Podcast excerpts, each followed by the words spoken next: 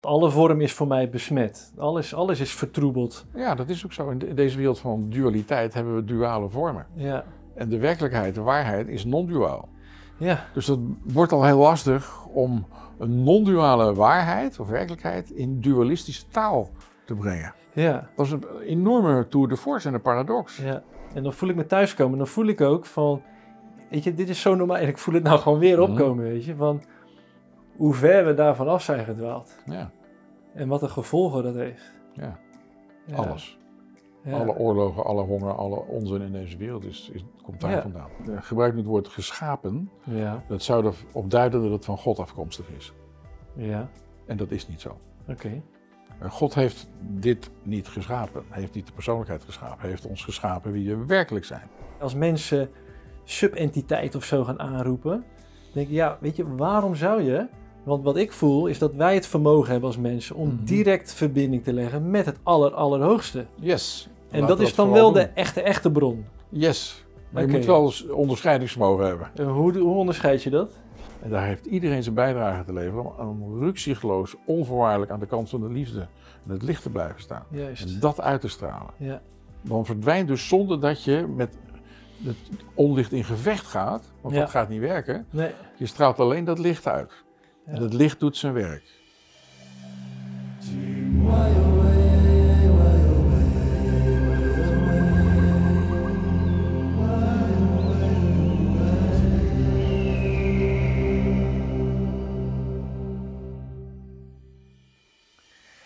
Nou, welkom beste mensen bij weer een eh, nieuwe aflevering van de Tijdboek Lumens podcast. We zitten vandaag in het kantoor van Willem Glaudemans in Utrecht. Ja, welkom. Ja, da- dankjewel dat wij hier mogen zijn. Ik kijk onwijs uit naar dit gesprek.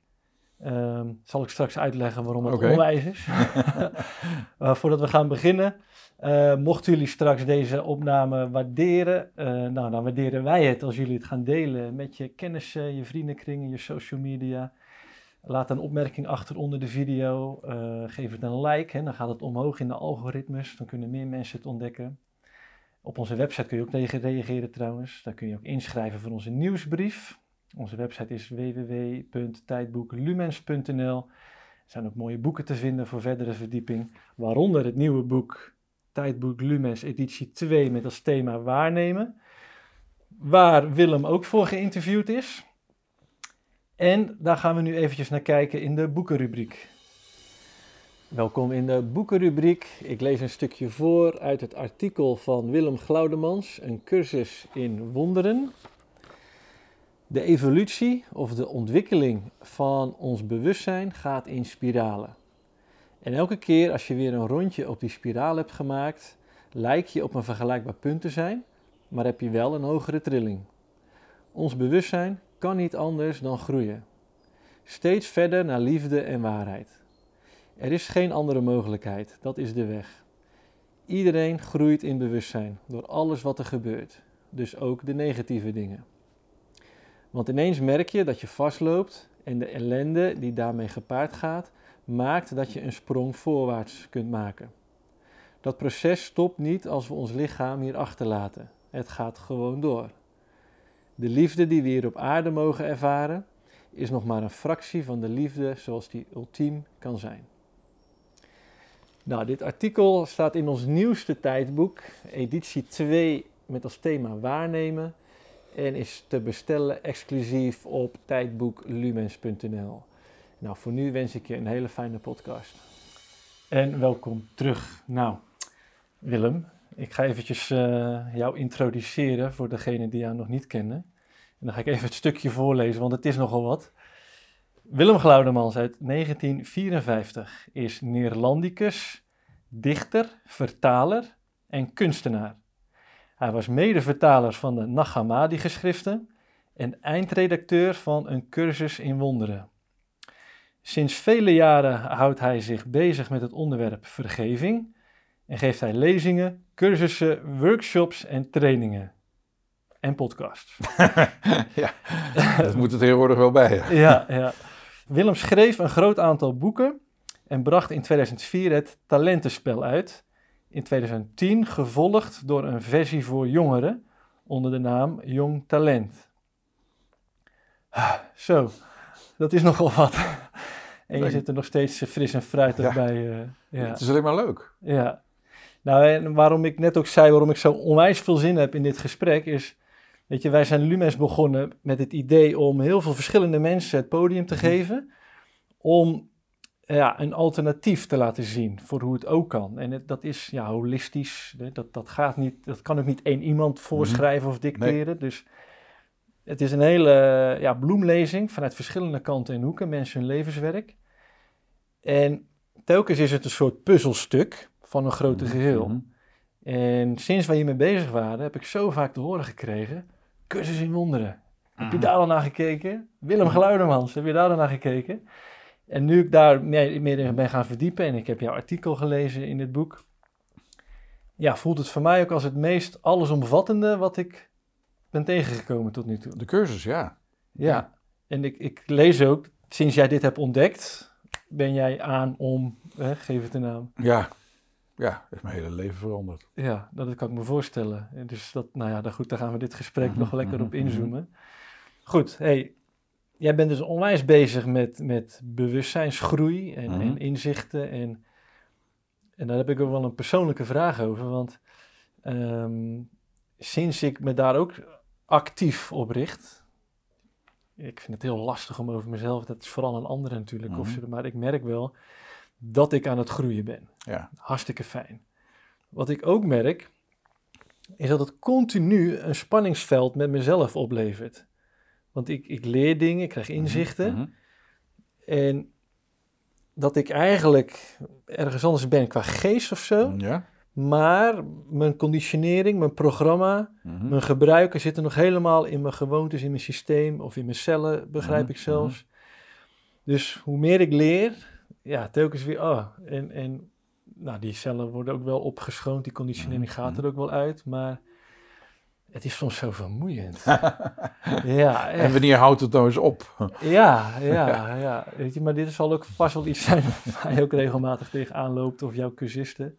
Allebei, ja. Wat, wat, wat kun je mij als, als advies geven of wat kun je hier voorzinnigs over zeggen? Eh, Ik zou zeggen van, het is een, is een proces wat je alleen maar hoeft te volgen. Ja, Je hoeft niet actiever te gaan sturen.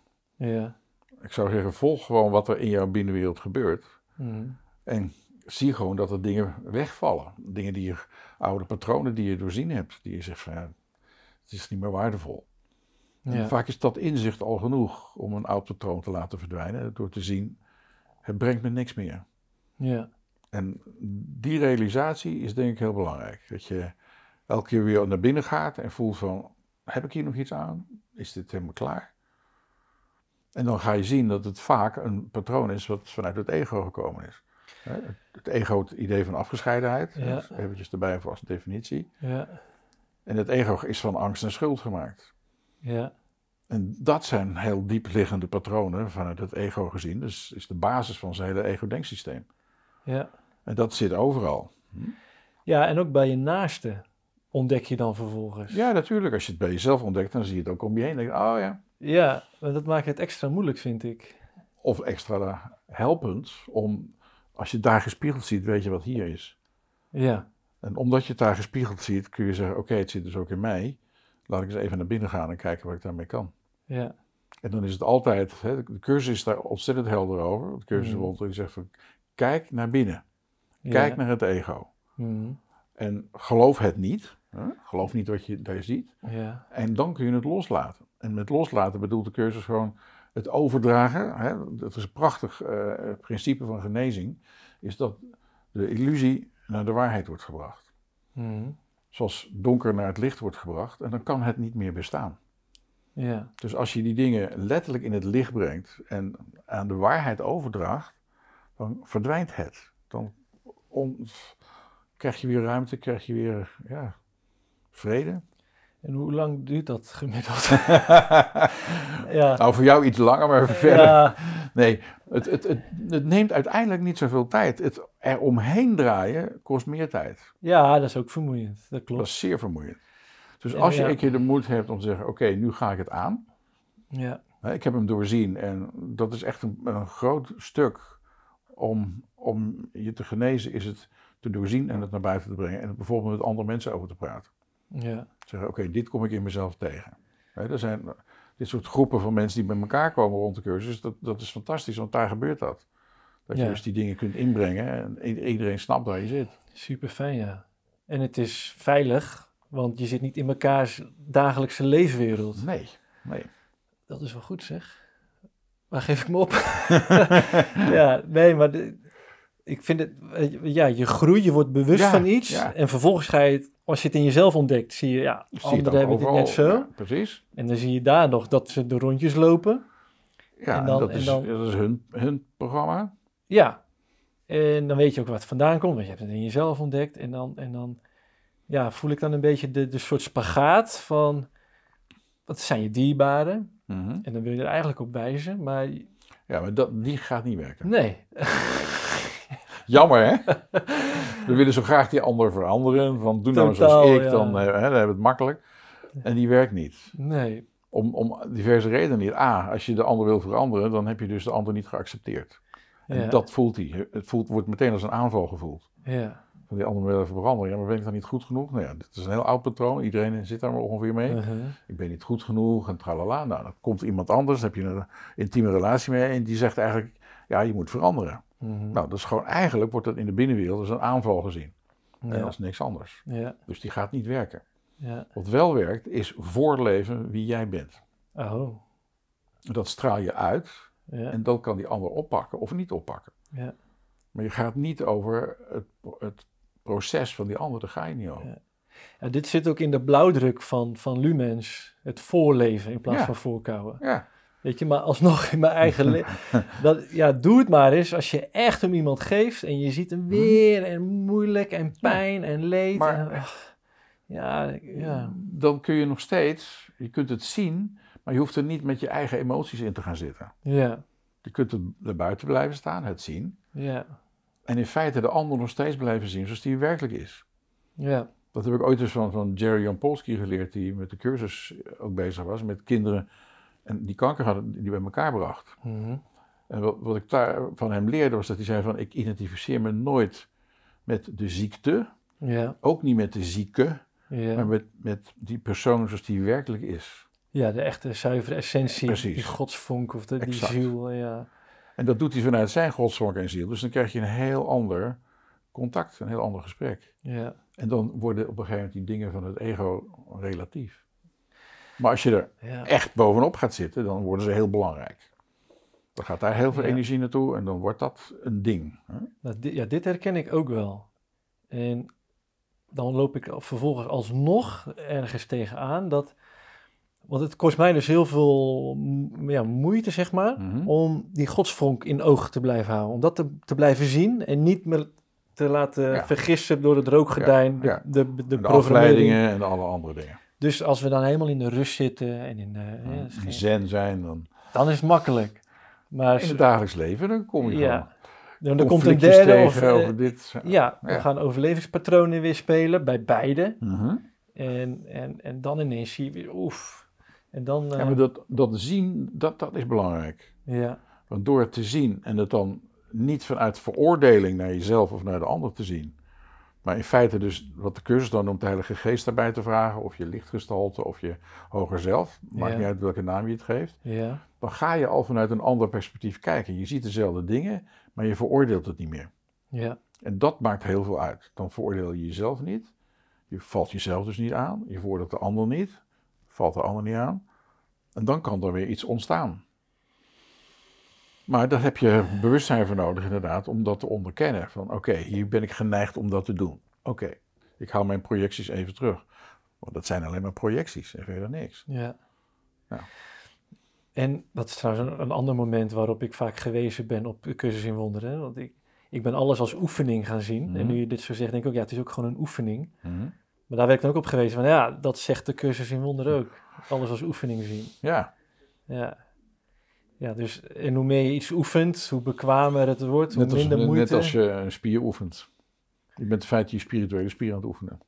Ja, want ik merk het dan dat soms kunnen bijeenkomsten of ontmoetingen onwijs veel energie geven. Mhm. Maar soms, als het gewoon, als het te veel, eh, nou, te veel, eh, gewoon veel wilskracht kost en bewustzijn kost om Mhm. ergens bij te blijven, nou, dan kan het echt slopend zijn. Maar dan kun je ook op een gegeven moment ontdekken dat het misschien klaar is. Die groep of die, Die, die groep of die vorm. dat, ja, Dat je gaat zien van, nou, dit heb ik nu heel veel energie ingestoken en nu is het alleen maar op wilskracht dat ik het doe. ja. Klopt het nog? Nou, dat, daar zeg je wat. Dat je, daar, daar ben ik ook de laatste jaren ook zo in, in ja, manoeuvrerend geweest. Mhm. In ja, wie zijn mijn mensen? Ja, En, en, maar dat is ook pijnlijk in, in die bewustwordingsgroei. ja Dat dan je raak je telkens mensen weer- kwijt en er komen nieuwe mensen naar je toe. Ja, maar ja, je hebt ook een soort liefde ontwikkeld. Ja, maar die liefde, één keer gevormd, Ja. kan nooit verbroken worden. Mhm. Dat is een, wetmatigheid. Daar Ja. heeft de cursus het ook over. En vervolgens zegt hij, in deze wereld kan het lijken dat de relatie verbroken wordt of stopt. Ja. Dat kan ook zijn omdat de ander overleden is, Mhm. of je gewoon niet meer wil zien of geëmigreerd is of iets anders. Maar die liefde één keer gevormd, die blijft. Ja, Met andere woorden, dat voel ik wel. daar hoef je dus eigenlijk nooit een probleem van te maken. Ja. Ook al is de relatie op dit moment in een hele andere vorm gekomen of schijnbaar gestopt. De liefde die gevormd is en de echte liefde was, die is er nog steeds. Ja. En dan zeg ik altijd van, kijk maar, eh, denk maar even terug aan eh, lagere schoolvriendjes en vriendinnetjes. Ja. Je krijgt zo die beelden weer en die liefde is er ook. Ja. Al zie je ze Ja. misschien helemaal niet meer. Ja. Nee, dat is ook zo. Ik ben, ik ben in 2020 ook een vriend kwijtgeraakt in de discussies over de Ja, maatregelencrisis. maar word nou even helder. Ben je die vriend kwijtgeraakt? Of het contact. Ja. Precies, de liefde is er nog steeds. Dat, ja, dat voel ik. Ja, Ja. absoluut. Einde probleem. Ja. Ik denk dat de moeite die ik dan heb als, eh, zit meer in ehm, ja, de lol van het contact. Of gewoon het plezier Ja, van het ja. contact wat dan, wat dan weg is. samen eh, uit eten gaan. Hè? En ja, en ik denk ook een stukje moeite. Nou, ik heb eigenlijk niet echt moeite om alleen te zijn. Mhm. Echt, mijn boekenstapel wordt ook alleen maar groter. Maar ik vind het Mhm. ook heerlijk. Soms Mhm. dan pak ik een boek, ga ik zitten. Dan lees ik niet eens wat. Dan geniet ik gewoon dat ik mezelf zo vrij heb gegeven. Ja. En dat doe ik niet zo vaak. Ik ben vaak ja, bezig, toch? Ehm, maar ja, dat ik ook voel, we zijn als mensen ook echt gemaakt om samen te leven. Echt om samen te zijn. Maar wel vanuit een, niet vanuit een, behoeftigheid, niet vanuit Nee, een afhankelijkheid. En misschien dat daar dan ook een beetje mijn pijn zit. Ja, Ja, dan, de cursus noemt dat dan een speciale relatie. Dan, dan wil je iets van die ander. ja, Dus er komen voorwaarden in. ja, En er komt afhankelijkheid in. ja. Er komt ongelijkwaardigheid in. mhm, Hè, er komt vaak ook een contract in. Van als jij nou maar voor mij dit doet, dan doe ik voor jou dat. Ja, En dat is allemaal vaak onbewust. ja, ja, En de heilige relatie gaat uit van een ander uitgangspunt. Namelijk dat er van twee kanten een, een compleetheid is.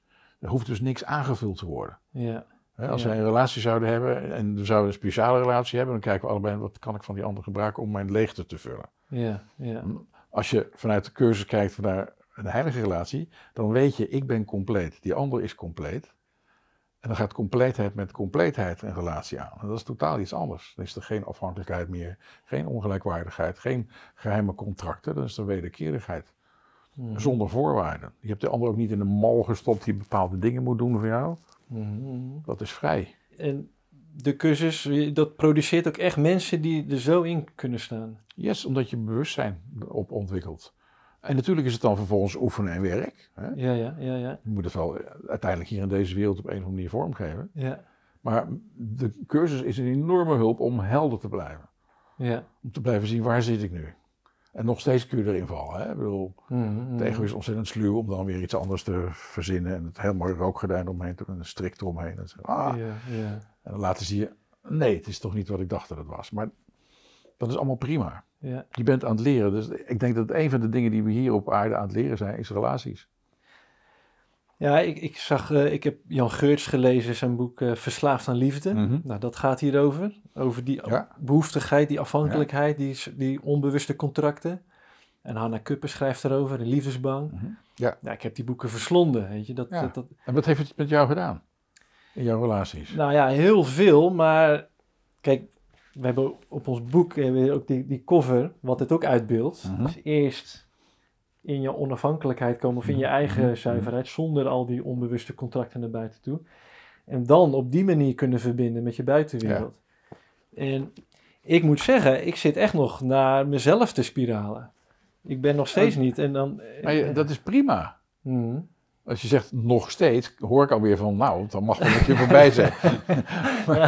maar ja, dat is precies wat je nu te doen hebt. ja, Wat iedereen te doen heeft. Iedereen heeft het innerlijke werk te doen. Dat is je grootste geschenk aan de mensheid. ja, Want dat straalt uit en dat gaat verder en dat zorgt uiteindelijk dat we de tipping point van hè, heel veel mensen die in de angst zitten, mensen die in de liefde zitten, dat dat, ja, dat, dat verandert. En daar Ja. heeft iedereen zijn bijdrage aan te leveren. Dus het is fantastisch wat je doet, dit innerlijke werk. Dat is echt wat van ons gevraagd wordt. En zeker in deze tijd.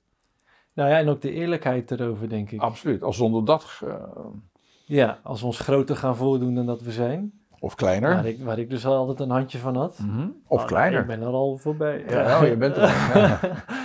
Ja. ja. ja, of kleiner Of inderdaad. kleiner. Ja, Ja, dat, dat, dus, wat de cursus dan heeft over je echte grootheid leven. ja. En het ego maakt van grootheid of kleinheid. Mhm. Dus doe maar gewoon, doe je gek genoeg en eh, stop je licht maar onder de korenmaat en niet te veel schijnen alsjeblieft. ja. Dat is de ene kant. En de andere kant maakt hij de grootheidswaan van. Kijk mij eens, ik ben al zo ver, ik kan het allemaal. En eh, al die sukkels die zijn nog En je vergelijkt je met anderen. Ja, bent altijd aan het vergelijken. ja. En liefde maakt geen vergelijkingen. Dat is ook een les uit de cursus. ja mooi. En dan vervolgens kom je in dat hele dunne draadje daartussenin. Dat is je grootheid leven. Mhm. Dus ben je niet meer met de kleinheid van het ego, niet met de grootheidswaan van het ego bezig, maar precies dit. Ja, En daar leef je je missie, daar leef je je grootheid, daar leef je je goddelijkheid. ja, Want dat is wat je ten diepste bent en dat kom je hier brengen. ja. Nou Oh, ja. ja. Ja, Nou ja, en die heb ik ook zo vaak gevoeld. En, en waar, ja, wat ik dan zo moeilijk vind, is om daarbij te blijven. Want dan voel ik het... ga je jezelf niet de opdracht geven om erbij te blijven. Ja. Want dan zit je er namelijk al uit. Hmm. Als je gewoon leeft Ja. en zegt van oké, dit is... Nou, het is eerder denk ik ook dat ik ontdek dat ik eruit geschoten ben. Dat, het, dat ik het dan zo mooi vind wat er door me heen is gekomen. Ja, en dat is, is in deze wereld is dit altijd voorbijgaand. Ja. Ja. Het kan, het kan niet in deze wereld blijvend zijn, maar de, wat er in jou gebeurd is, is wel blijvend. De liefde is blijvend. Ja. De ervaring is in die zin ook blijvend. Alleen hij is niet meer actueel. Ja. Ja, ik denk ook, weet je, we leven ook in een wereld waarin je meer vrijheid kunt kopen. Als je meer geld hebt, kun je meer... Maar dat is niet de echte vrijheid, toch? Nee, nee, precies. Maar dat is wel de valkuil. En als jij op die, op die gouden middenweg zit, Mhm. ja, dan ben je stralend, prachtig, creërend, Ja. weet je. En, en dat is te verkopen, weet je. En dan, kun je ermee, dan kan je ego ermee aan de haal gaan, Oh ja, dat ego kan er altijd mee aan de hou. Ja. weet je. En dan, en dan zit je er weer uit. ja, maar dan heb je weer bewustzijn. Op het moment dat je voelt, ik ben eruit, Ja, dan kijk je ernaar, je vraagt die hulp erbij ja, en je kunt er weer terug in.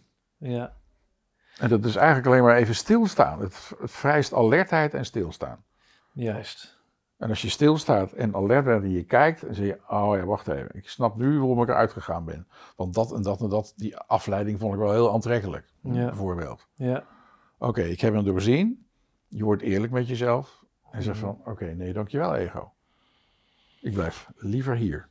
ja, Want je weet ook wat dit doet. ja, ja, Je weet de ervaring. Hm? En dat is het belang van die ervaring, dat je daarna terug kunt omdat je hem weet. Ik vind het altijd een mooi beeld, de, het labyrint van de kathedraal van Chartres. ja, Als je die gaat lopen, dan kom je eerst al langs het middelpunt. Dus dan Ja. weet je dus waar je naar onderweg bent. ah, En dan ga je helemaal die uiterste randen. En nog een keer, en nog een keer. Je denkt van, jee, mijn Maar je weet waarvoor je het doet. Precies. Dat is de grap. Fantastisch. En pas helemaal aan het eind, als je nog even, ook nog een keertje vlak langs bent geweest, dan ga je erin. En dan kom je in het middelpunt uit. Ja, Die zesbladige bloem. ja, Maar die Prachtig. omweg, hè, die, heel mooi. Doet me denken aan, jou, aan, aan de godservaring waar jij over schrijft eh, in het boek. Hm? Weet je, stel, was dat niet jouw middelpunt waar je even langs bent gegaan van, oh, Ja, dat is het. Zo, zo kun je het zien, ja. Dat is de realiteit. Ja. Ik kan me voorstellen, ik heb vergelijkbare ervaringen gehad. Zonder die ervaringen eh, zou ik hier totaal anders bij gezeten Ja, hebben. dat geldt voor mij ook. Ja. Voor mij zou het, ik kan zelfs zeggen, dan had ik geen richting in mijn leven. Ja, Was ik, was ik stuurloos. En dan zat ik nog in waar ik ten tijde van het schrijven van mijn proefschrift en vooral daarvoor, toen was ik overtuigd van de zinloosheid van alles. Hè, dan las ik die nihilisten, de existentialisten enzovoorts. Nou, en ik geloofde dat. Maar dat heb ik niet heel lang kunnen volhouden. Ongeveer twee jaar. Toen begon er toch iets anders in mij te ontwaken. Van, dit klopt niet. Ja, ja. Dit klopt niet. Nou, toen is uiteindelijk die ervaring gekomen. Ja, we, ja, we heel vergelijkbaar pad. Want i- ik ben ook tot mijn zestiende christelijk opgevoed. Ja, en, daarna ook, ja. losgelaten. Ja. En ook dat een beetje verkend. En in Delft Mhm. gestudeerd, waarin alles harde materie en bewijsbaar moet zijn. Ehm, Ik kan je bijna niet daarin voorstellen. Als, met harde materie en, en bewijsbaar. nee, nee, op mijn Facebook staan ook nog oude foto's. Die laat Mhm. ik daar ook lekker staan. Maar dat is echt een grap van een verschil. Ik zie ook mijn Mhm. uitdrukking. Ja, ja, ja. Weet je, en dat, dat, erg vind ik het ook heel motiverend om te zien van ja, weet je, je, je kunt zo groeien en zo stappen zetten. En, en ik weet ook als ik mezelf dan zo zie, ik weet ook Mhm. hoe ik me voelde toen. Ja, ja, ja. Gewoon ja, een uitslover, onzeker, dingen afdekken ja. die ik niet Nou, wilde ik laten zien. Ik was een grote twijfelaar aan ja, mezelf hè, in die tijd. En dat is pas ver- verdwenen in 85, toen ik die ervaring had. ja, voor die tijd twijfelde ik aan alles. ja, Nou, dat is een keer echt helemaal klaar. Hè. Dus dat, dat kan dus ook gebeuren. Niet alleen dat je naar binnen kijkt, maar dat je er gewoon ook echt, echt geholpen wordt. ja, Dus als jij ook met zo'n ervaring geholpen bent om even gewoon wam op je pad gezet te worden. mhm, En dat gun ik iedereen, dat je zo'n ervaring krijgt van oké, nu snap ik hem. Nu, ja, dit is hem. ja, Nu zit ik in feite, hè, de term van de cursus, zit je op je grootheid en je levensmissie. ja. Je bent uit die, uit die dingen. Nou, dit vind ik dus prachtig wat je zegt. Weet je, het doet me ook een beetje reflecteren van... Stel, in 1985 had jij die ervaring. Mhm. Stel, jij had in 1983, of in mijn geboortejaar, 1982, Mhm. de cursus in wonderen ontdekt. Iemand had je meegenomen, kom mee. Mhm. Hoe diep was dat dan bij jou binnengekomen? Was het, had je het je, was de ontvankelijkheid er? Ik bedoel meer van, is zo'n ervaring, hoe essentieel is die ervaring? Voor mij was die essentieel in ieder geval. voor mij was het ook essentieel en heeft me uiteindelijk bij de cursus gebracht. Dus ik kan het in mijn bewustzijn niet eens omdraaien. Ja. Dus in 85 heb ik die ervaring gehad en in 86 vond ik de cursus. Mhm. Exact op dezelfde dag als ik mijn ervaring had gehad. 8 mei 1985, 8 mei 1986. Ja. En die 8 mei bleef nog een heel veel keren in mijn leven doorgaan. Onze oudste zoon is op 8 mei geboren. Nou, Wat een grap. is heel, heel ja, wonderlijk. Ja. Maar die, die, die ervaring heeft mij dus uiteindelijk, omdat ik in die werkgroep van Elisabeth Kubler-Ross terecht kwam, in die regiogroep, en daar werd een video getoond van het werk van Jerry Ompolsky, die Ja. met de cursus bezig was. Dit gaat even heel snel. hoor. Ja. Elisabeth Kubler-Ross. Dat is, Kubler-Ross. Ja. dat is iemand die met sterfsbegeleiding bezig is geweest. En ik kreeg een soort eh, hand in mijn rug dat ik daar naartoe moest. Ja. Een workshop van met 100 mensen, vijf dagen in, in Hoeven in Brabant. Ja. Dus daar moest ik gewoon naartoe. Mhm. Er was gewoon geen, geen twijfel over. Ik werd Ja. gewoon... Nou, en daar heb ik die omslag meegemaakt en die, die godservaring. Ja. Vervolgens kwam ik dus in zo'n regiogroep terecht van het werk van Kubler-Ross. Ja. En daar werd een video getoond van het werk van Jerry Ompolsky. Ja. En die, wat ik net al over had, van die kijkt alleen maar naar de persoon die er werkelijk is en niet naar de ziekte. naar. De zieke. Ja. Nou, die man die was dus met kinderen met kanker aan het werk. En dat raakte mij enorm. Dus ik dacht van, oké, hier wil ik meer mee. Ja. Nou, toen ging ik naar de boekhandel en ik vond uiteindelijk boekjes van Jerry en uiteindelijk lag er ook de cursus in wonderen op mijn tafel. Mhm. A Course in Miracles was nog niet vertaald. Ja. Dus ik zei, oké, ook meegenomen. En ik kwam thuis en ik deed het boek open en woesh, daar was die energie weer die ik ook bij Kubler-Ross gevoeld had. En dacht ik van, oké, ik kreeg hier een heel duidelijke... En dat boek nam je per toeval mee, Course of Miracles. Nee, ik had er natuurlijk van gehoord, want die vrouw die die video toonde zei...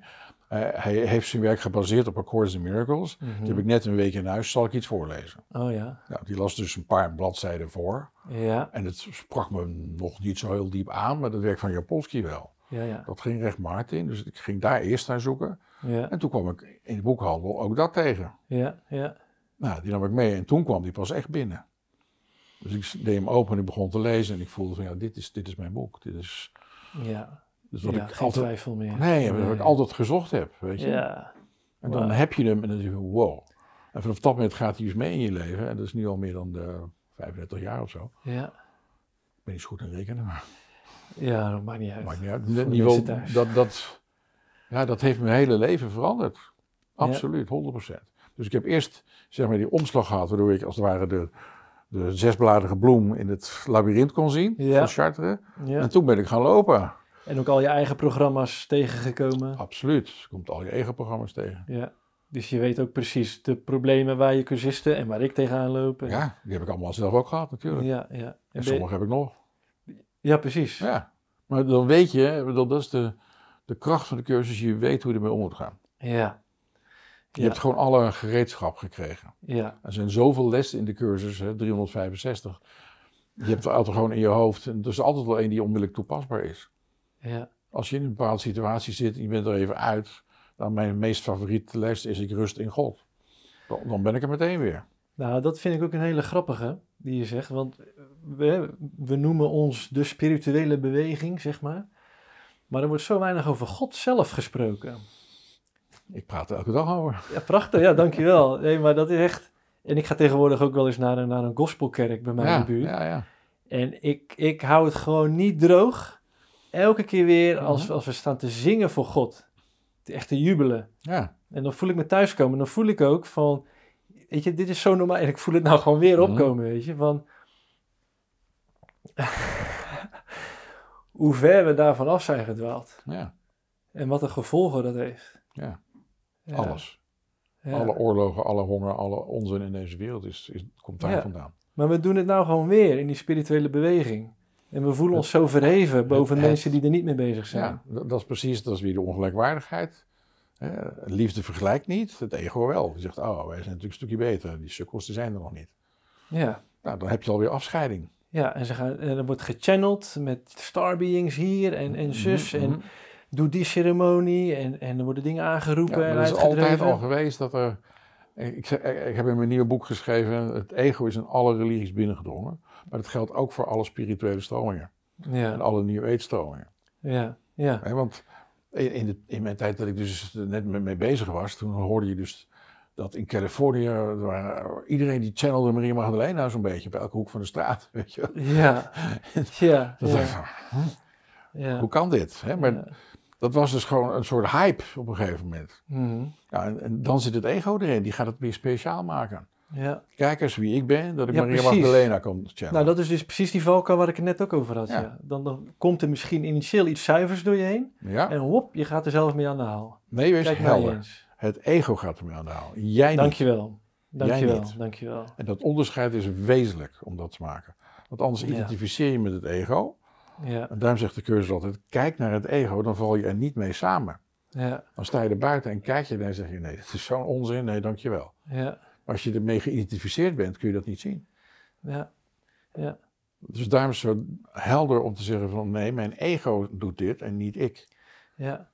Ja, prachtig. Want jij bent je ego niet. En omdat je dat niet bent, heb je dus ook die verbinding met dat andere. Met die liefde of met het goddelijke, of hoe je het noemen wil. Ja, ja, ja. Weet je, en als ik, als ik dan naar die kerk ga, dan... Het is niet dat ik dan alles direct accepteer en omarm, waar, waar ze voor staan. Maar gewoon dat principe, weet je, daar kan ik me dan helemaal aan overgeven. Met andere woorden, je kijkt door de vorm heen naar de inhoud. Juist. Ja, want alle vorm is voor mij besmet. Alles, alles is vertroebeld. Ja, dat is ook zo. In de- in deze wereld van dualiteit hebben we duale vormen. Ja, En de werkelijkheid, de waarheid, is non-duaal. ja, Dus dat wordt al heel lastig om een non-duale waarheid of werkelijkheid in dualistische taal te brengen. ja, Dat is een enorme tour de force en een paradox. ja. Nou, het is echt grappig hier dat ik het gisteren nog over met, eh, met een re- redactielid voor ons Mhm. volgende boek. Maar ik voel zo sterk dat we eh, echt gaan stoppen op een dag. Dat dit zo'n tijdelijk project is. Want maar dit met is een heel van de veel invloed. Ja, voor nu. Kijk, en een van de dingen waar wij voor staan is precies wat je zegt. Weet je, het is niet te vatten in woorden. Mhm. Dus hoe averechts kunnen we zijn als we blijven praten? Als we maar blijven. Weet je, op een gegeven moment is het denk ik ook een hele sterke boodschap om te gewoon te zeggen: Oké, nu hebben we genoeg gezegd. En we zijn stil. We doen de deur achter ons dicht. Dit is Lumens geweest. Zegen Ja, erop. Dat wel heel goed. Ja. ja. Maar ga voorlopig nog even door, want ik merk dus dat het gewoon heel veel aantrekking heeft. Het straalt iets puurs uit. Dat is de wet van uitstraling en aantrekking. Als je iets puurs uitstraalt, dan komt het ook naar je terug. Ja. Nou, dat heb ik heel duidelijk gevoeld in de boekpresentatie. ja, je was erbij in Wat, Rosmalen. wat, wat daar allemaal gebeurde, wow. Ik voelde echt van hier komen allemaal lichtwerkers met elkaar. En dit is de nieuwe wereld al. We krijgen gewoon even te zien hoe het, hoe het echt werkt. Ja, zo grappig dat het voor jou ook zo voelde. Ja, Weet je, jij kwam binnen en ik stond bij de ingang en ik herkende jou niet. Gelukkig, denk ik wel. maar toen zat jij vooraan en ik was aan het praten en ik denk, hé, hey, daar zit Willem Glaudemans. En ik wist dat je zou komen Mhm. natuurlijk. Maar ik zag je ook glunderen. Dacht Ja, ik, ja. ik heb de hele middag geglunderd. ja. En, en het was dus sprekers en podcastgasten Ja, en, schrijvers van het boek waren daar. En, en kijkers en lezers van het boek.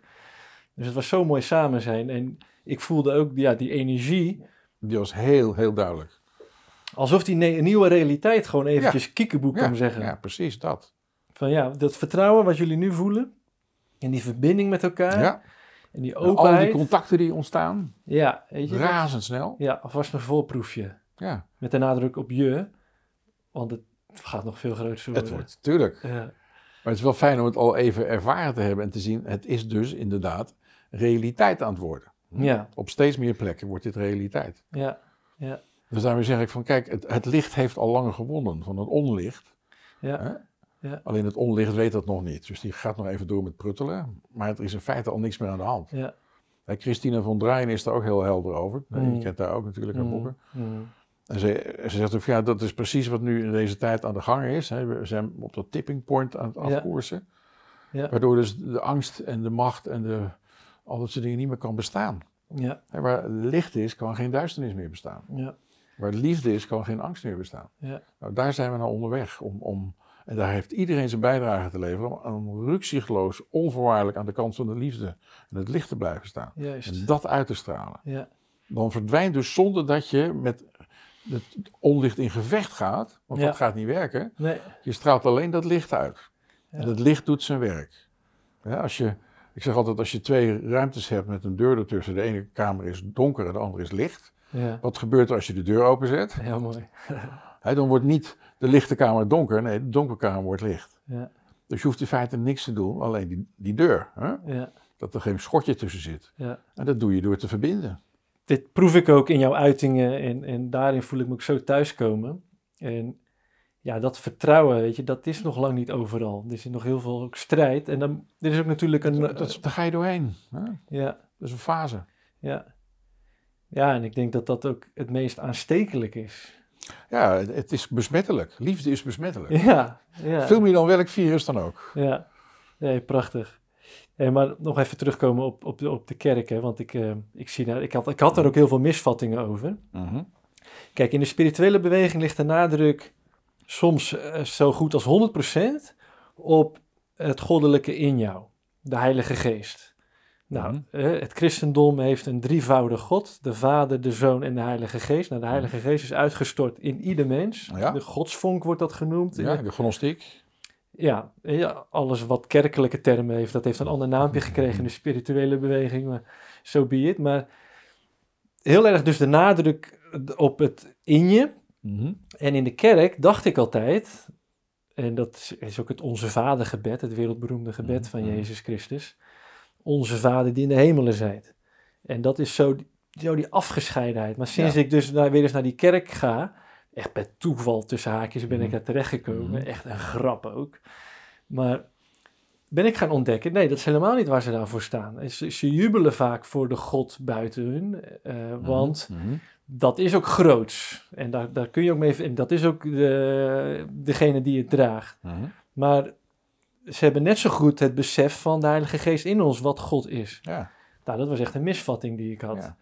En eh, we gaan binnenkort ook een, een, een van die pastors interviewen Oh, mooi. van die kerk. Mooi. Ook om hier eens dieper bij stil Mhm. te staan. Maar ik zie me ook af te vragen, ja, wat, wat, wat zou ik hem nou kunnen vragen? Heb jij er misschien een idee bij om wat meer brug te vormen?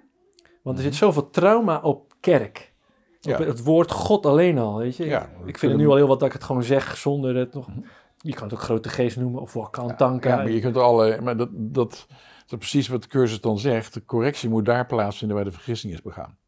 Dus we hebben de, de vergissing gemaakt dat we God met allerlei boemanachtige beelden hebben opgezadeld. Ja.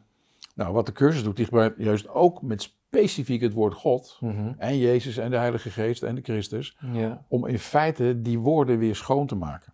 Mooi, ja. Dus waar de vergissing is begaan, in 2000 jaar christendom, is er nogal wat van de, Mhm. het zuivere pad afgeweken. Ja. Dus daar hoeven ze niet over te veroordelen, we kunnen het constateren alleen. Ja. En we kunnen nu zeggen, we hebben nu het bewustzijn om er opnieuw naar te kijken. En we kunnen diezelfde woorden, nadat ze hun, hun negatieve lading kwijt zijn, kunnen we gewoon weer prima gebruiken. ja, Dat zijn nog steeds woorden die het gewoon wel precies zeggen. precies.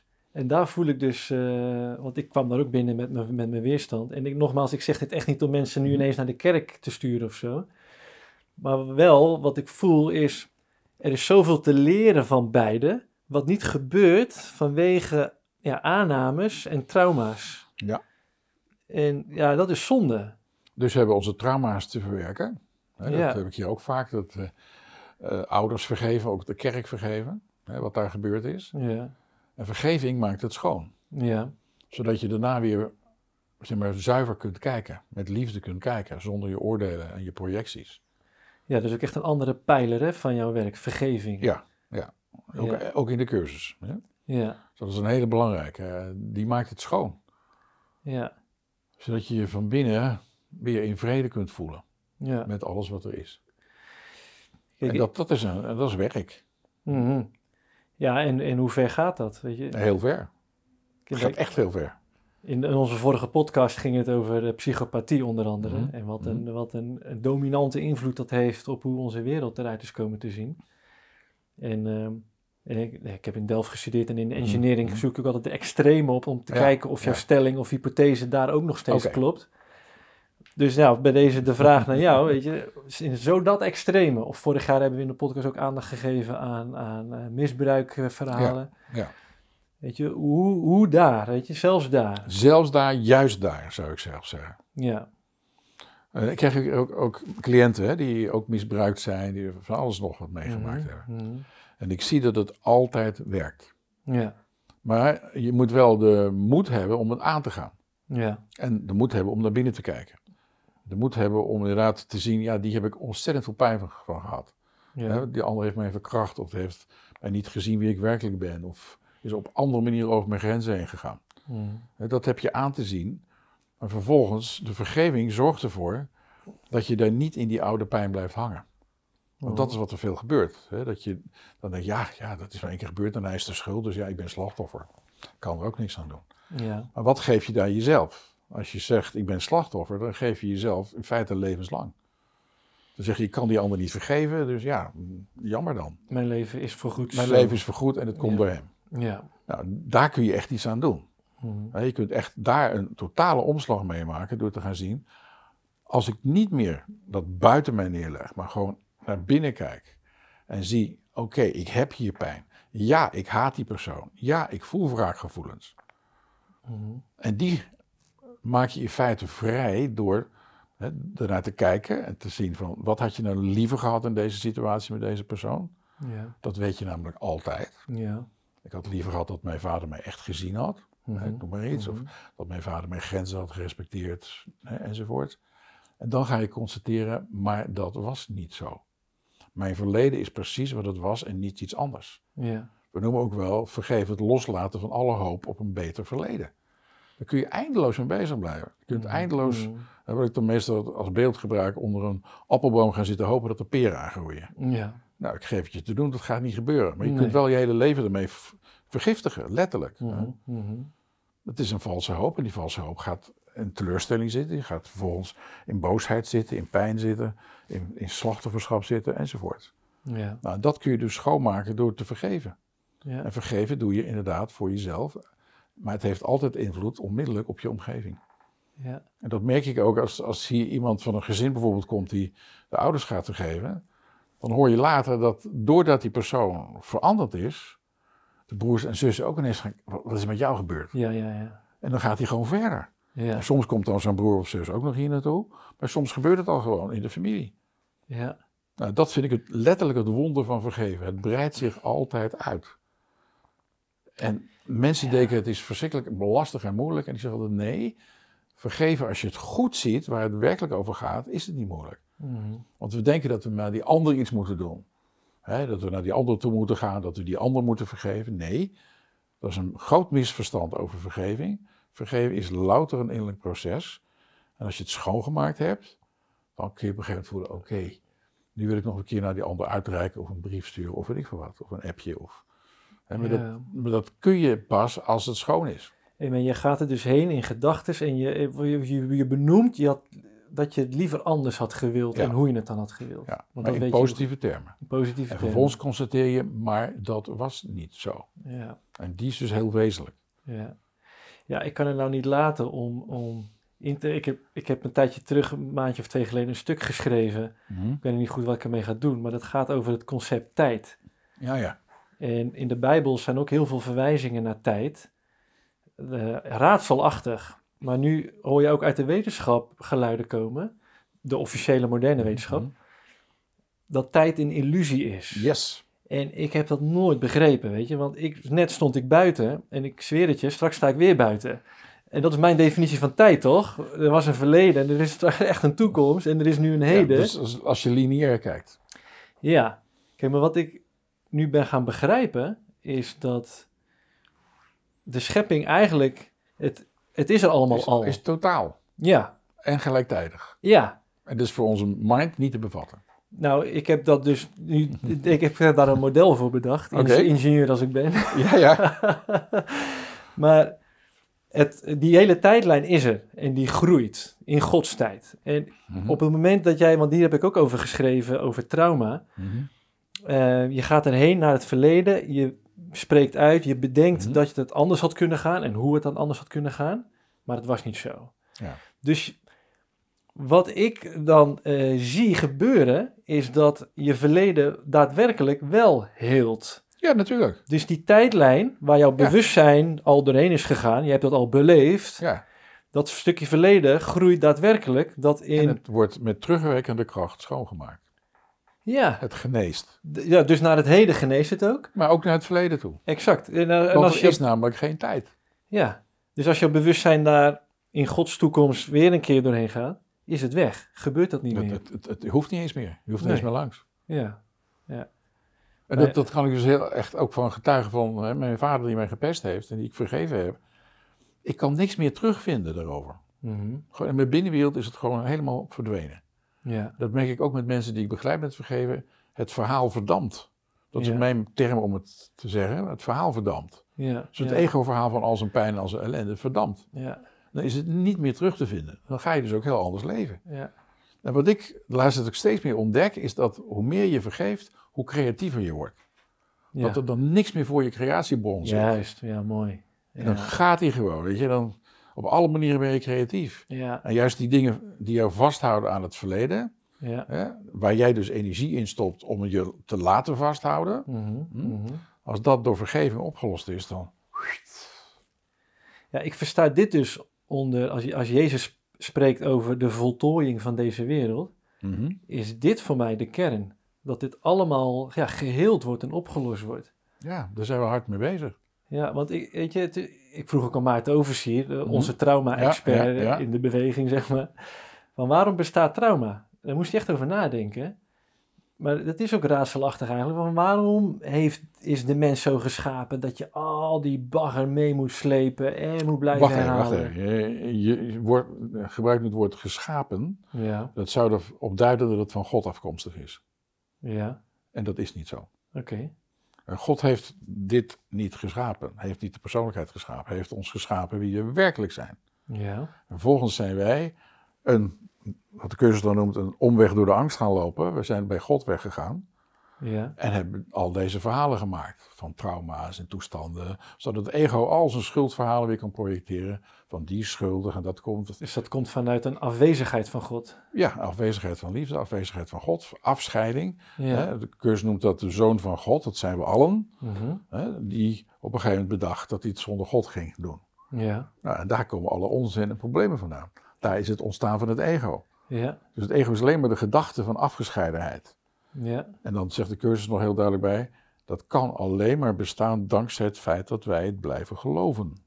ja, En als je dus niet meer gaat geloven, en als je dus met vergeving daar doorheen gaat, dan zie je dus inderdaad dat het alleen maar een verhaal was. Dat gewoon onder je ogen verdwijnt. Want je, ja, ik heb het alleen maar elke keer voeding gegeven. Nou, Zo'n trauma geeft je voeding. En dan blijft het bestaan. En vergeven haalt dat hele verhaal eruit. Ja. Dan krijgt het trauma geen voeding meer en dan kan het werkelijk verdwijnen. Ja. En dat heb ik dus heel vaak mee mogen maken. Dat Ja. het echt, echt verdwijnt. Ja, wauw. Ja, maar dit is, dit is gewoon zo, zo bijzonder. Ja, maar dat, dat, Ja. dat is de kracht van vergeven, die maakt het schoon. Ja, En allerlei dingen, ook, ook, ook, ook lichamelijke symptomen kunnen verdwijnen.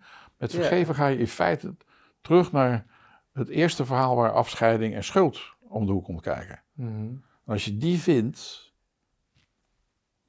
ja. En dan bestaat die tijd ook niet meer. Hè? Nee.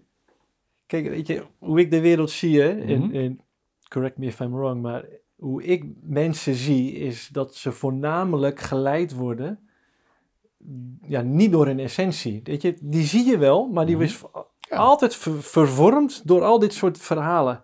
En, en, en pijnen en dingen, allemaal. Ja, maar dat heeft met jouw blik te maken. Ja, Op een gegeven moment ga je daar doorheen kijken. Ga je niet meer naar de uiterlijke vorm kijken, maar herken je in iemand ja dat sowieso, ja. Nee, wat die werkelijk is. Ik zeg en dan dat het zo, zo loop je er ook niet meer tegenaan. Ja. Nee, wat, ik, wat ik meer bedoel is dat ik het zo bijzonder vind wat je zegt. Want dat zou betekenen dat al die be- belemmeringen Mhm. weg kunnen vallen. Yes. En dat die essentie al, alleen nog maar het enige is wat je te zien krijgt. Ja, Ja, wat een wereld is dat? ja, dat noemt de cursus de werkelijke wereld. Of, Ja. de, of de vergeven wereld. Ja, Dus dan kijk je daar dwars doorheen. Je kijkt dwars door al die vormen heen. Al die, al die zogenaamde strijd, al die toestanden die je in de wereld ziet. Je kijkt daar doorheen. ja. En je ziet dus in feite, in feite zijn er maar twee dingen. Mhm. Er zijn mensen die liefde geven en mensen die liefde vragen. Meer is er niet. ja. En de cursus zegt er van, nou, alles wat niet een uiting van liefde is, is dus een vraag om liefde. Is vaak een uiting van angst of van pijn. Of, nou, als je dat ziet, dan weet je dus dat je op allebei kunt gaan reageren met liefde. Mhm. Een uiting van liefde is makkelijk om met liefde te beantwoorden. Een vraag om liefde, als je één keer wat er op je afkomt zo gaat zien, is het ook niet moeilijk meer om daar met liefde op te reageren. ja. Al zijn het de grote dingen, de oorlog in de wereld, wat ook maar. Het is allemaal een vraag om liefde. Nou, dan sta je gelijk aan de kant van de liefde en niet aan de kant van de angst. ja. Dan sta je zelf al op een veel betere plek. Want vanuit angst kun je dit niet doen. Maar vanuit liefde kun je zeggen: Oké, ik straal die liefde uit naar die situatie. ja. Naar die persoon die in het ziekenhuis ligt, naar die persoon die verkracht is, naar die persoon die een ongeluk heeft gekregen, of naar die persoon die een ander heeft vermoord, of wat ook maar. ja. En juist de mensen die anderen vermoorden of hè, dat soort dingen doen, Mhm. hebben onze liefde nog harder nodig en niet onze veroordeling. Ja. Ja, ja, ja. Oh. Ja, ik kan er niks anders van maken. Weet je, als je weet waar, het, waar iets vandaan komt. Zelfs zonder dat te weten. Je hoeft niet de doopcel van die ander te kennen. Nee, nee niet, Ja. niet specifiek, maar gewoon überhaupt weten dat dat ook maar dwaling is en niet de essentie is. yes. En Dan ga je dus heel simpel kijken naar de wereld. Ja, En je ziet of essentie en liefde, of je ziet het niet. ja, Nou, en als je het niet ziet, dan heb je even naar binnen te gaan en te kijken van... Oké, wat gebeurt hier in mij? Blijkbaar zitten hier oordelen van mijzelf voor. Of oude pijn die omhoog komt, of oude diaatjes van vroeger. ja, Die mij verhinderen om die ander te zien zoals die werkelijk is. ja. En is dat je innerlijke werk. En op het moment dat je het wel gaat afwijzen, dan vat die ander dat op als een echt op zijn identiteit. Ja, Maar- natuurlijk. Het is helemaal niet de echte identiteit. Nee, dat ook al niet. Maar hij is geïdentificeerd met een valse identiteit. Juist. En daar krijgt hij afwijzing op. En dat beschouwt hij dus. Ik Ja. word afgewezen. Ja, Nou, als we dat al gaan leren, dat ons masker, onze persona die we hier in deze wereld zetten, niet is wie we werkelijk zijn, ja, dan maakt het ook niet zo heel veel meer uit of die persoon nou ge- geadoreerd wordt, eh, afgewezen wordt, eh liefgehad of Ja. niet. Want je identificeert je met wie je werkelijk bent. Het begint me alweer aardig te duizelen. Echt hoe dit, dit, dit gaat zo diep. Doet me ook denken aan de vorige podcast was met Jan Storms. Weet je, Mhm. die heeft ook zo zijn eigen manier, wat eigenlijk op hetzelfde uitkomt. Gewoon het openklappen van de echte essentie van de mens. Ja, ik noem het dan eh, de goddelijkheid leven. Ja, En je goddelijkheid leven betekent dus dat je, waar goddelijkheid is, kan ego niet meer bestaan. ja, waar licht is, kan geen duisternis bestaan. Dus waar je goddelijkheid steeds meer in jouw systeem komt, zal ik maar zeggen. In je bewustzijn komt. ja, En dat gaat over creativiteit, het gaat over vrijgevigheid, het gaat over waarheid, humor, eh, Liefde, licht. Dat, dat, als je dat gaat verspreiden, dan ja, krijg je een totaal ander leven. Ja, misschien even goed om tussendoor eh, het woordje ego te definiëren. Want ja, ik ik heb het weet, er straks al even gezegd, maar kijk, ik weet, Eckhart Tolle, die, die ziet het iets als volledig vals en nep om af te wijzen. Jan Geurt, en hij benoemt ook, ik heb Mhm. een eigen definitie, wat niet Mhm. één op één matcht met andere goeroes, zeg maar. Ik weet niet of hij dat woord ook echt gebruikt. vreselijk, vreselijk woord. Ja. Maar Ja- Jan Geurs bijvoorbeeld, die zegt, ja, je hebt gewoon een ego, dat is je persoonlijkheid. En, Ja, dat, dat is ver- verwarring. ja, maar hoe, hoe, benoem je, hoe, hoe zou jij het ik- omschrijven? ik- de helderheid komt voor mij uit de cursus. ja. Nee, die zegt het ego is de gedachte van afgescheidenheid. Mhm. En als beeld gebruik ik dan wel eens een, een golfje in de oceaan die voor zichzelf begonnen is en een hekje eromheen gezet heeft. Ja, mooie, mooie beeldspraak. En dan, dan weet je al, het is onmogelijkheid. Hè? Het golfje kan niet doen alsof hij los van de oceaan is, dat kan niet. Ja, Maar dat is dat wel wat het ego doet. ja, Dus die, die heeft dat idee van afgescheidenheid. En dan voelt hij zich ook schuldig ten opzichte van het grote geheel, ten opzichte van God. Want ik heb de eenheid om zeep gebracht. Hè? Dat is de dieper liggende laag erin. Is En als je dus- dat ja. gaat zien, dan, dan ja, als je gaat zien, het ego is alleen maar gemaakt van afgescheidenheid. Mhm. En heeft dus vervolgens een soort heilige drie-eenheid en dat is zonde, angst en schuld. Ja, Daar, daar draait alles om. ja, ja. Nou, als je dat hele systeem doorziet, dan neem je er heel snel afscheid van. ja. Omdat je gaat zien, het brengt me helemaal niks. Nee, om vanuit daaruit te handelen en dat dat je identiteitsbesef is. Ja. ja, ja. Nee, die voel ik wel. En daarom zijn al die lessen in de cursus zo handig, want die breng je elke keer. Ja, Als je er even vergeten was wie je werkelijk was, dan staan er allerlei lessen over je ware identiteit in het boek. ja. Maar ook allerlei dingen die je hebt aan te zien met het ego. Ja, ik zie mijn eigen identiteit tegenwoordig een beetje als drievoudig. Dus Mhm. lichaam, geest en ziel. Niks nieuws, maar nu Mhm. voel ik hem ook echt meer zo. Ja. En eh, ziel en, en geest, zeg maar, die voelen voor mij dan als meer de eenheid, de oceaan. Mhm. En het lichaam, dit aardse leven nu, is dan meer het ego, het, eh, meer het hekje. En ergens voel ik ook wel wat, wat, wat Jan Geurt zegt en, en, en die definitie, zeg maar. Definities kunnen we eigenlijk gewoon loslaten. Het Mhm. gaat om wat, er- wat is. Ja, Maar we gebruiken woorden en woorden zijn duaal. hè? kijk, en, ja, je komt als man op aarde, vind ik ook zo'n mooi woord, geslacht. Jij hebt een mannelijk geslacht. Je bent al door, door midden geslacht. Ja, inderdaad. Weet je, dus je, je zit gewoon in de afgescheidenheid hier. Ja, dit lichaam is een symbool van afgescheidenheid. Ja, Bij deze huid stop ik en bij die Juist. huid begin jij. ja, Dat is een symbool. En het ego gebruikt het inderdaad om te vechten. Te zeggen, ik ben beter dan jij, tralala, al die onzin. ja, ja, Vervolgens zegt de cursus heel helder van alles wat het ego gemaakt heeft, kan de Heilige Geest opnieuw interpreteren voor je. Alles wat het... Ego gemaakt heeft, dus dit, die afgescheidenheid, Ja. die dus niet door God geschapen is, ja, keer, kan het Heilige Geest kan het opnieuw interpreteren voor je. En dan ga je dus zien, dit lichaam is in feite neutraal. Ja, En ik kan het gebruiken om een uitdrukking van liefde te worden, maar ik kan het ook gebruiken om met het ego mee te gaan en een uitdrukking van angst en agressie juist, te worden. die keuze heb je. En die keuze heb je altijd. Ja, Als je dat één keer gaat zien, dan wordt het een heel ander leven. Het wordt ook weer makkelijker, omdat je het gaat zien. ja, En je weet altijd, als je eerlijk bent, weet je altijd waar je zit. ja. Of in het winkeltje van het ego, of in het winkeltje van de Heilige Geest. En dat weet je altijd. Nou ja, ik speel hier wel eens mee. Dat Ja. ik ieder moment die switch kan maken. Dat ik echt zeg, Ja. zo echt. Ja, Maar alsof je een, een zonnebril op en afzet of zo. ja bijvoorbeeld, dat is een goed beeld. Ja. Maar ja, echt, echt. En meer is het niet. En en vanuit de cursus kun je zeggen, dan stop je met het geloof in het ego. Op dat moment. Ja, En dan doorzie je het en dan zie je het licht weer.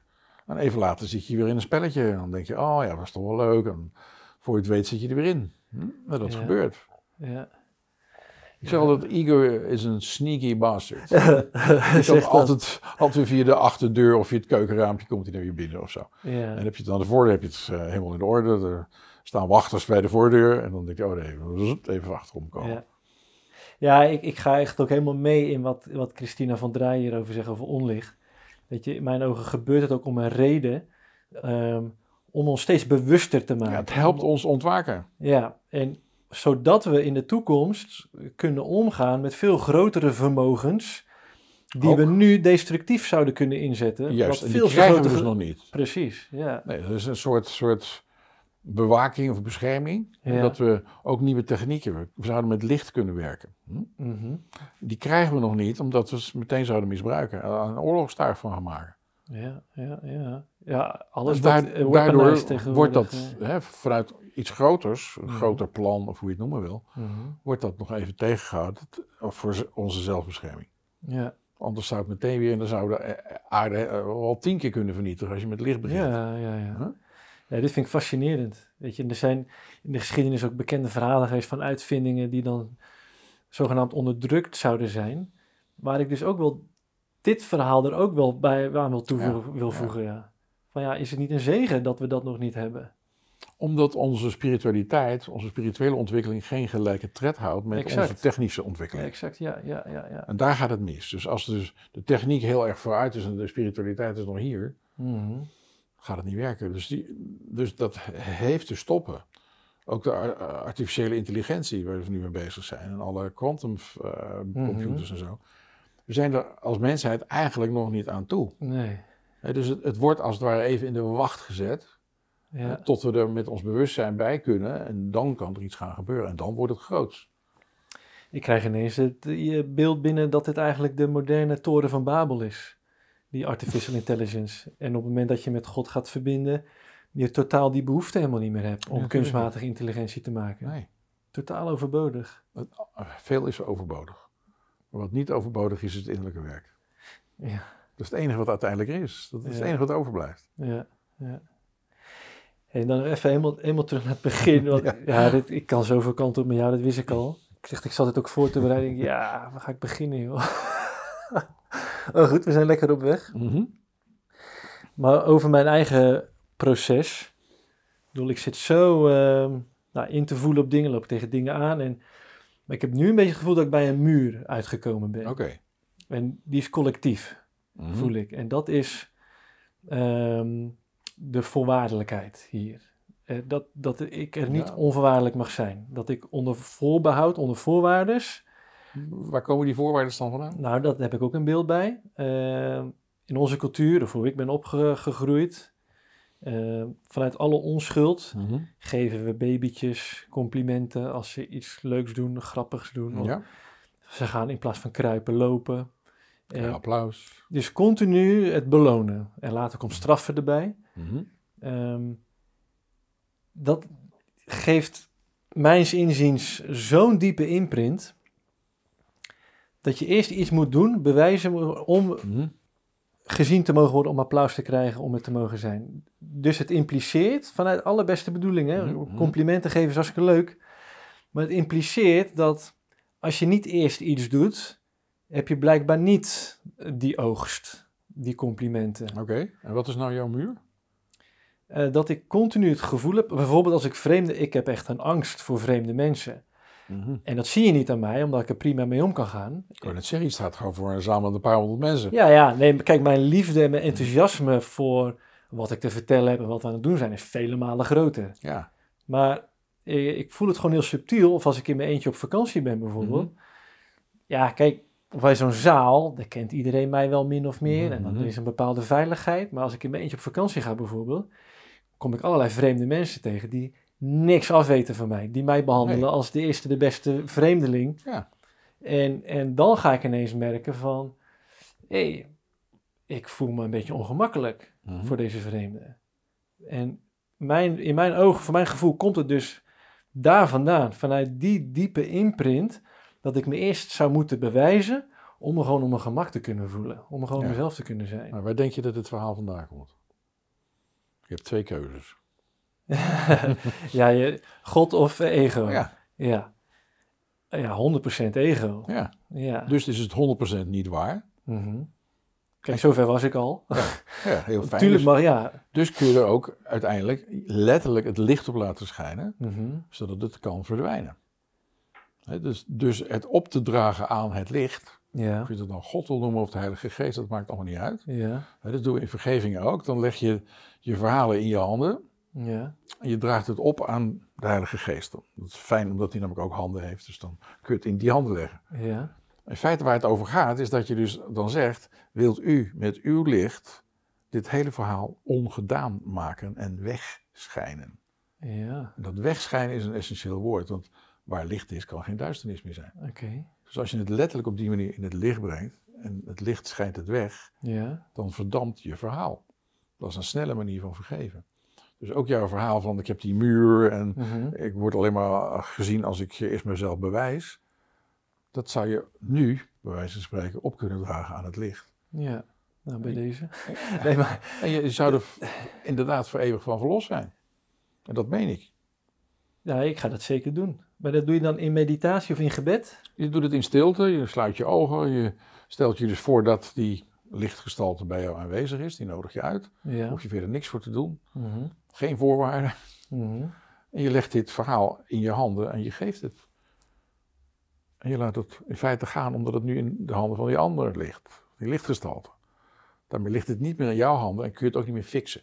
Dat is wat het ego ermee wil doen, die wil het gaan fixen. Mhm. Nee, dat hoeft allemaal niet. Je draagt het gewoon alleen maar op. Ja. Je zegt, wilt u met uw licht dit wegschijnen? Klaar. En dan kun je gaan voelen wat het met je doet. Dan, mensen vertellen dan, ja, ik zag het inderdaad onder mijn ogen verdampen, of ik voel nu vrede, of wow, ik zit ineens heel anders erin. Ja. En dat is hoe, hoe we met terugwerkende kracht het ons verleden kunnen schoonmaken. En het doet er ook helemaal niet meer toe waar het vandaan komt. Als je het kunt herkennen dat het altijd iets is het, waar het ego een spelletje mee gaat spelen, Mhm. hè, en een veel groter maakt en veel ellendiger maakt. Als je dat kunt onderkennen, dan heb je al het grootste stuk gedaan. Ja. Dan zie je waar het vandaan komt en zeg je, nee dankjewel. Ik heb het doorzien. Ik heb het ego doorzien, ik hoef dit niet meer. En dat is heel simpel, maar het is, gaat erg ver. Nou ja, godzijdank eh, zit ik hier. Letterlijk. Ja, letterlijk ja.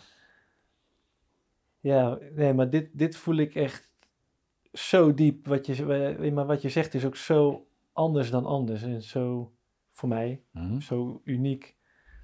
Want wat je, wat je tot nu toe dan vooral te horen krijgt in de spirituele beweging bijvoorbeeld, eh, zijn dingen als doorvoelen. Je moet ermee zitten en voelen. Denk ik, ja, maar hoe lang... Hoe lang ga je dat doen? Ja, wat, wat, wanneer, waar houdt het voelen op, weet je? Want ik voel dit, ik voel dit al heel mijn leven. Mhm. Die, die, die weerstand. En dan schiet ik in een uitsloverij. Mhm. En dan ga ik eh, wel even laten zien wie ik ben. Ja, En dan voel ik me wel weer veilig, want dan heb ik een compliment gekregen. En ik, oké, het is veilig. je doet het goed hoor, vandaag. Ja, ja. dankjewel. Dan gaan we echt beginnen. Ja, nee, maar die, die, die sluimering heb ik Mhm. altijd gevoeld. Maar daar kun je afscheid van nemen. Je kunt er Ja. nu afscheid van nemen. Ja. Je hoeft het niet meer met je mee te dragen. Ja. Waarom zou je? Nee, alleen al als ik je dat zo zie zeggen, voelt het al echt al verlichtend. Echt, eh, Ja, het, is, het is een energielek. Ja. Want dit is ook wat ik, wat ik weet.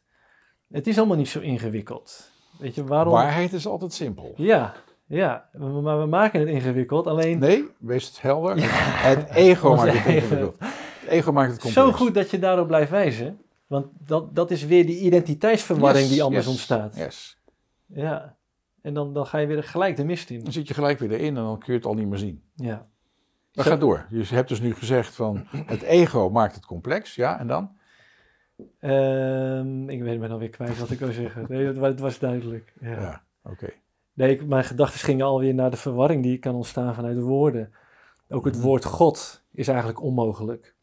Ja. Want dat geeft al de suggestie van afgescheidenheid. Want dat is waarin wij opgegroeid zijn. Ja, en we dat- kennen alles met een naam is buiten ons. Ja. Alles is afgescheiden. Dat is heel grappig. In, in, in, in, Genesis staat ergens dat Adam alles namen ging geven. Ja, Dat is in feite, wat jij nu ook vertelt, is ook weer een vorm van afgescheidenheid. Ik ben hier en daar is die boom. En die boom noemen we nu eik.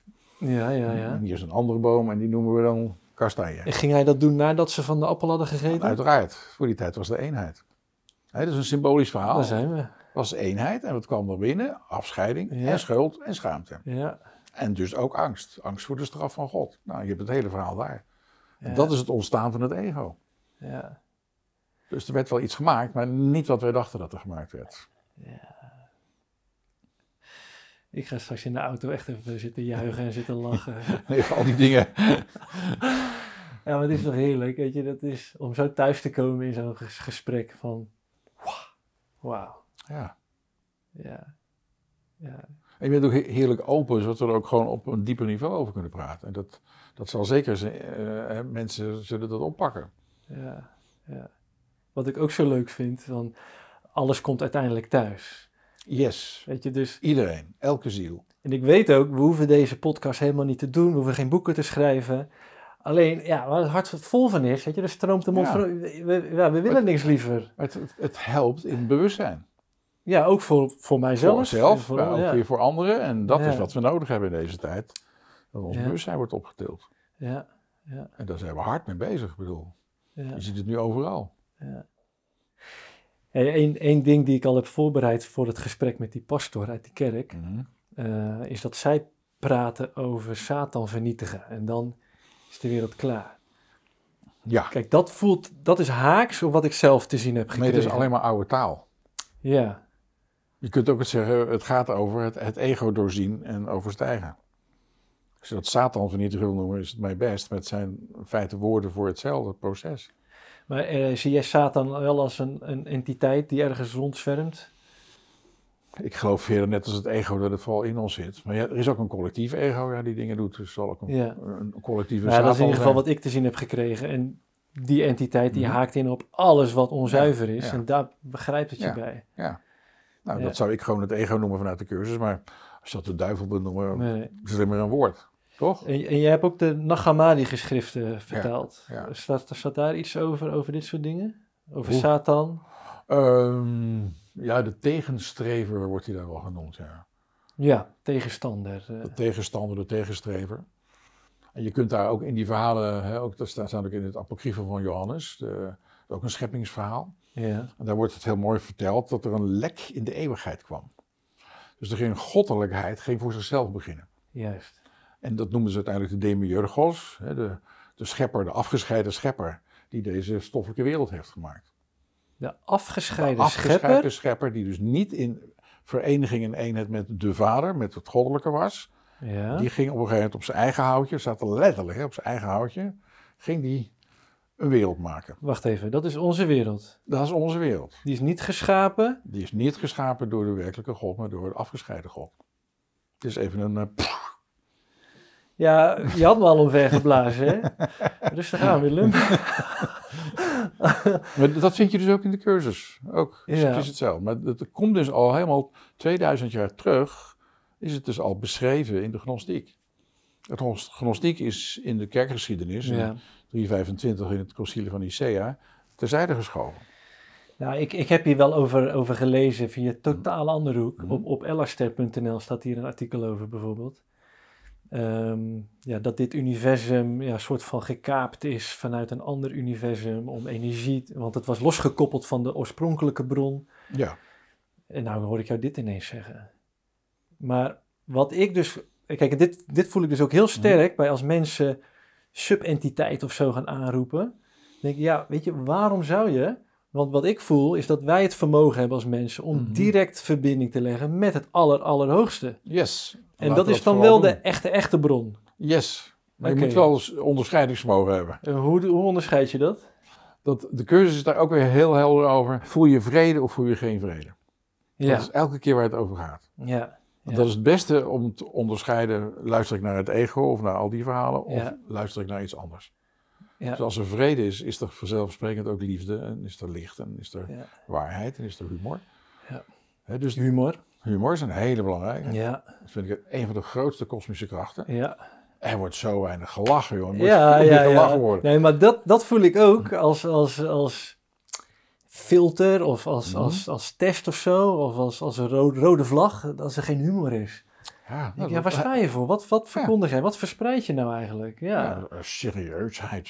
ja weet je, wat, waar gaan we in mee dan? Ja. Ja. Dus humor is, is wezenlijk, want je zegt het nu heel zelf, zelf heel mooi, om als, als etiket te zien of het waar is of niet. ja. Vroeger hadden ze de hofnar. Ja. Dus elke koning had een hofnar, als hij op zijn troon zat, zat daar die hofnar op zijn, hè, om die trappen. Ja. Als de koning iets stoms zei, dan ging hij met zijn belletjes rinkelen. En als de koning dan nog niet wakker werd, dan, en hij ging door met zijn onzin, Ja. dan maakte de hofnar een grap. Ja. En dan moest de koning om lachen. Met andere woorden, dan wist de nar dat de waarheid nu in de koning was. Dat kon hij nooit meer ontkennen, want hij had gelachen. Aha. En ik gun nog steeds elke president, elke regeringsleider, elke bedrijfsleider, eh, elke CFO of CFO een nar bij zich. Ja, Om de boel te relativeren en, en bij de waarheid te houden. zullen we ons aanmelden? ik vind het prima. Dat is wel grappig, toch? Ja, want, want humor, dat, dat is een grote kracht. Het ego kan niet Nou, tegen heel humor. ontwapenend ook. En het geeft ook een soort veilige bedding, alsof alles gezegd kan worden. Heel ook. ontwapenend. En, en het, Ja. wat ik net al zei, het ego kan niet tegen humor. Ja. Nee, maar dit, dit was voor mij ook een heel belangrijk ding om, om, om er echt naar te kijken. Want, want ik kreeg dus visioenen. Ik denk, wat, wat, wat, wat is dit? Ik kon het echt niet geloven. Zo'n contrast ten opzichte van het leven wat ik leefde. Mhm. Dus ik ben het eerst gaan, gaan toetsen en testen bij anderen. Mhm. Ook al was het echt mijn waarheid. Mhm. Ik was er wel voorzichtig eh, in van... mm, Ja, even- natuurlijk. Maar ja, Hoe reageren ze? Ja? ja, maar dat werd echt eh, bevestigd. Prachtig, pra- prachtig in jouw patroon. Ja, en, en ik, ik had ook wel het, het weten van... Als het waarheid is, moet het Mhm. eeuwig zijn. Ja, dat klopt. Dus het kan niet nieuw zijn. Voor mij is het nieuw. Klopt. Klopt. En dus ik kon daar heel veel bevestiging in vinden, gelukkig. En, allerlei, en dan zeiden mensen ook wel eens tegen me... Ja, maar het is toch al lang bekend? Ja, maar weet je, wel, Gelukkig. weet je wel niet wat het voor mij betekent? En ik heb ook heel veel gehad aan ehm, Conversations with God. Ja. Ja. Daar, die schrijft er ook over. Eh, Neil Donald Walsh. Walsh, die heeft heel veel gedaan om ons godsbeeld schoon te maken. Ja, prachtig. En hij zegt onder andere van eh, de stem, de ingeving die jou de echte levensvreugde geeft, Mhm. dat is God. Ja. En daar heb ik echt veel houvast aan gehad. Van ja, dit, ik laat me niet van de wijs brengen door wat anderen ook zeggen. Want ik weet, Exact. hier is de hoogste vreugde die met niks te vergelijken is. Exact. Heerlijk. Weet je, dan voel ik me eentje maar thuis. verbonden. Maar Ja. ja, ik weet gewoon eh, dat... En dan, dan ja, weet je toch waaruit je leeft. Ja, Dan zouden er eigenlijk nauwelijks nog problemen moeten zijn. ja, ja. Dus waar is die muur dan nog in godsnaam voor nodig? Als je dit weet ja, en hier vanuit leeft. ja, Je kunt hem echt nu laten verpulveren. ja. Ik voel hem nou ook niet hoor. hij, hij bestaat eigenlijk Ja. niet, alleen als je erover gaat denken. Ja. En dan denken we vaak vanuit het ego. hè. Ja. Het ego is natuurlijk altijd bezig om zijn oude verhalen nog te recyclen. Nou, je stelt die vraag en dan ga ik erover nadenken weer. En dan weet ik, of dan denk ik te weten, Mhm. Morgen of straks in de auto, en is die er weer. Ja, maar dat is dus onzin. Dan ben je nu al bezig je toekomst Ja, hetzelfde te maken als je verleden. ja, Gefeliciteerd. ja. Nou, tegen de tijd dat de kijkers deze podcast kijken, dan, dan Ben jij eh, verlicht? Bevrijd.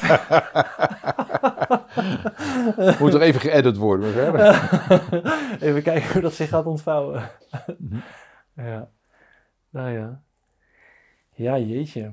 Weet je, ik heb... Met Katie ook, die heeft dan al- allemaal vragen ook, hebben we samen voorbereid. En dan... En, dan- maar weet je, dan soms dan voelt het ook gewoon af. En dat hebben we al zo vaak gehad. Ook vorig jaar met Henk Fransen. Dan binnen een uur, van ja, kunnen we nog wel door gaan zitten kletsen. En vorige keer ook met Jan Storms. Dan, eh, Mhm.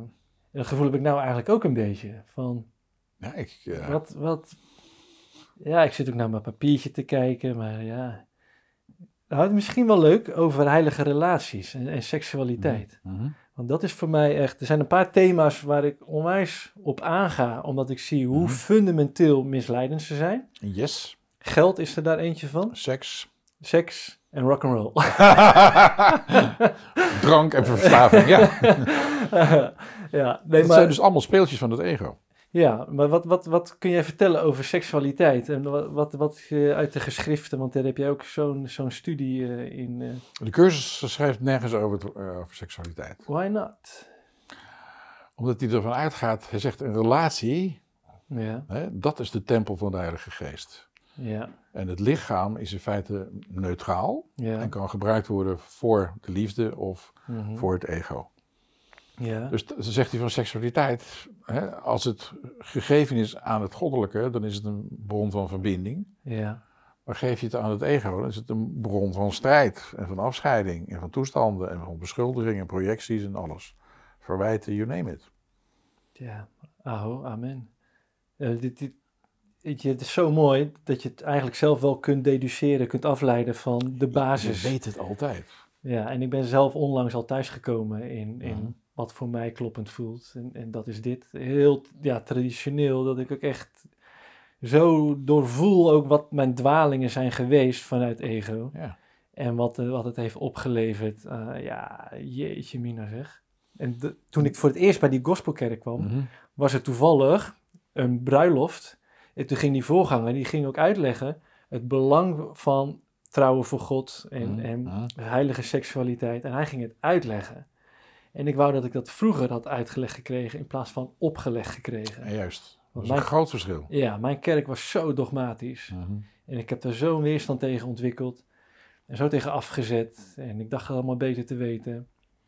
En ik heb, nou niet weer gaan zitten janken, maar Mag hoor. ik heb, ik heb hier echt op de grond gelegen van het janken. Mhm. Ja. Ga, ik kan het niet Ja, erover. Ja. dat is prima. Ja. Want precies deze ontroering is jouw omslag. ja.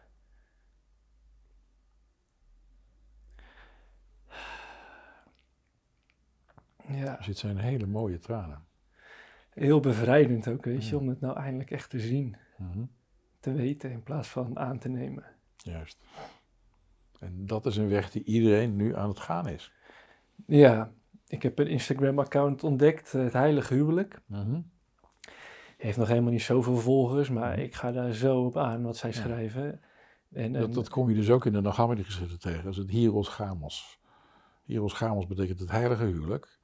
Wat, waar in feite weer het mannelijke en het vrouwelijk bij elkaar komt in het bruidsvertrek.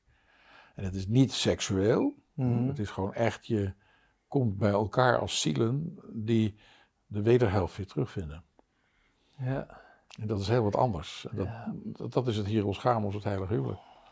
ja, En je hebt er ook allerlei rituelen bij en zo, maar daar, daar ben ik niet van. Maar vanuit de, ook vanuit de Nagamadi geschrift is, is het gewoon heel duidelijk. ja. Ja, prachtig. Ja, wat mooi wat je zegt, die, die eenwording van de zielen. Ja. Er is ook nog een verhaal van Plato, die op een gegeven moment hè, hij zegt, de ziel is eigenlijk gewoon een eenheid. En vervolgens is die doormidden gesneden.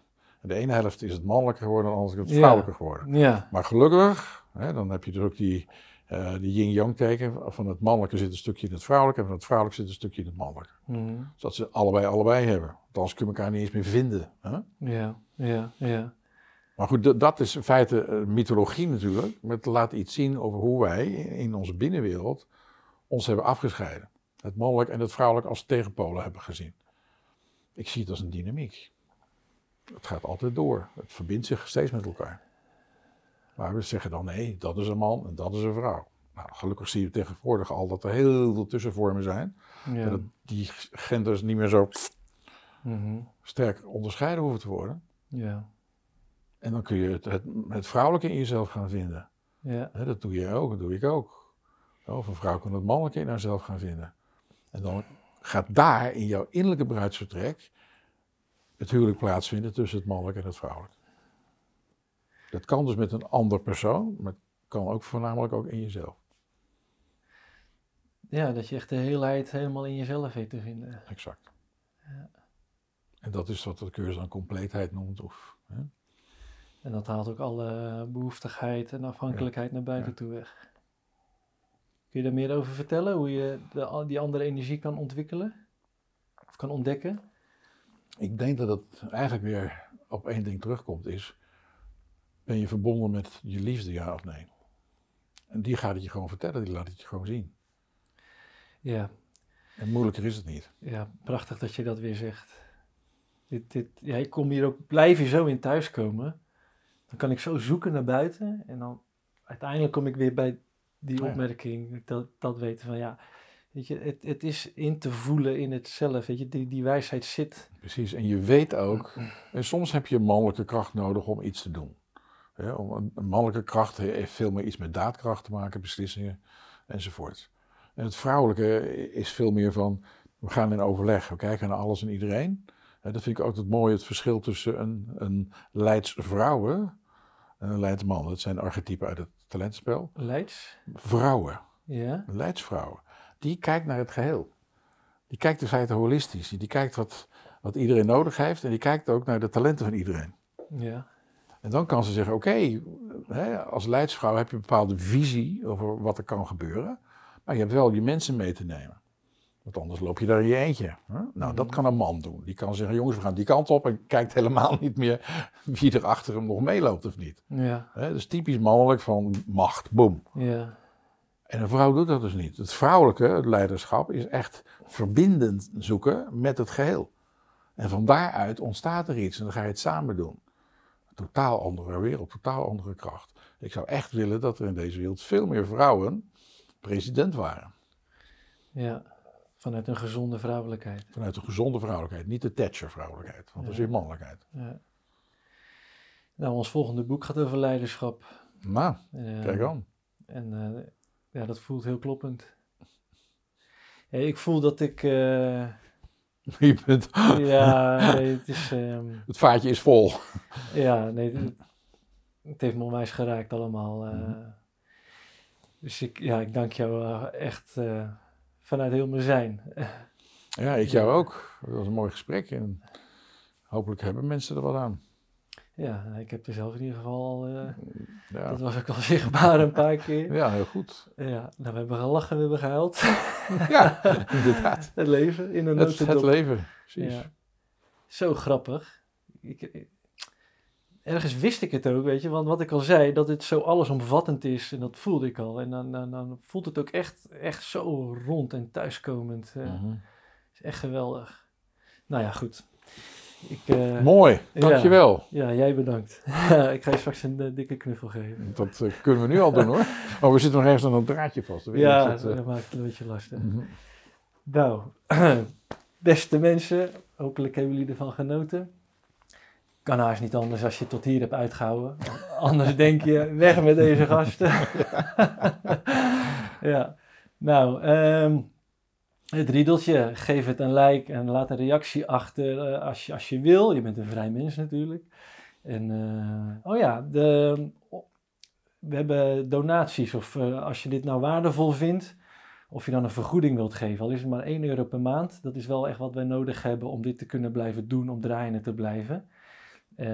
Ja, ik hou er niet van om het te zeggen, maar het is een gegeven. Weet je, Mhm. anders kunnen wij niet dit. In deze wereld is het een gegeven. Ja, dus ontzettend veel dank voor de mensen die dat al hebben gedaan. En, eh, en eh, voor de mensen die dat overwegen. Nou ja, zeker de maandelijkse bijdragen zijn echt super waardevol. Dus heel veel dank daarvoor. En tot de volgende keer. Tot sowieso.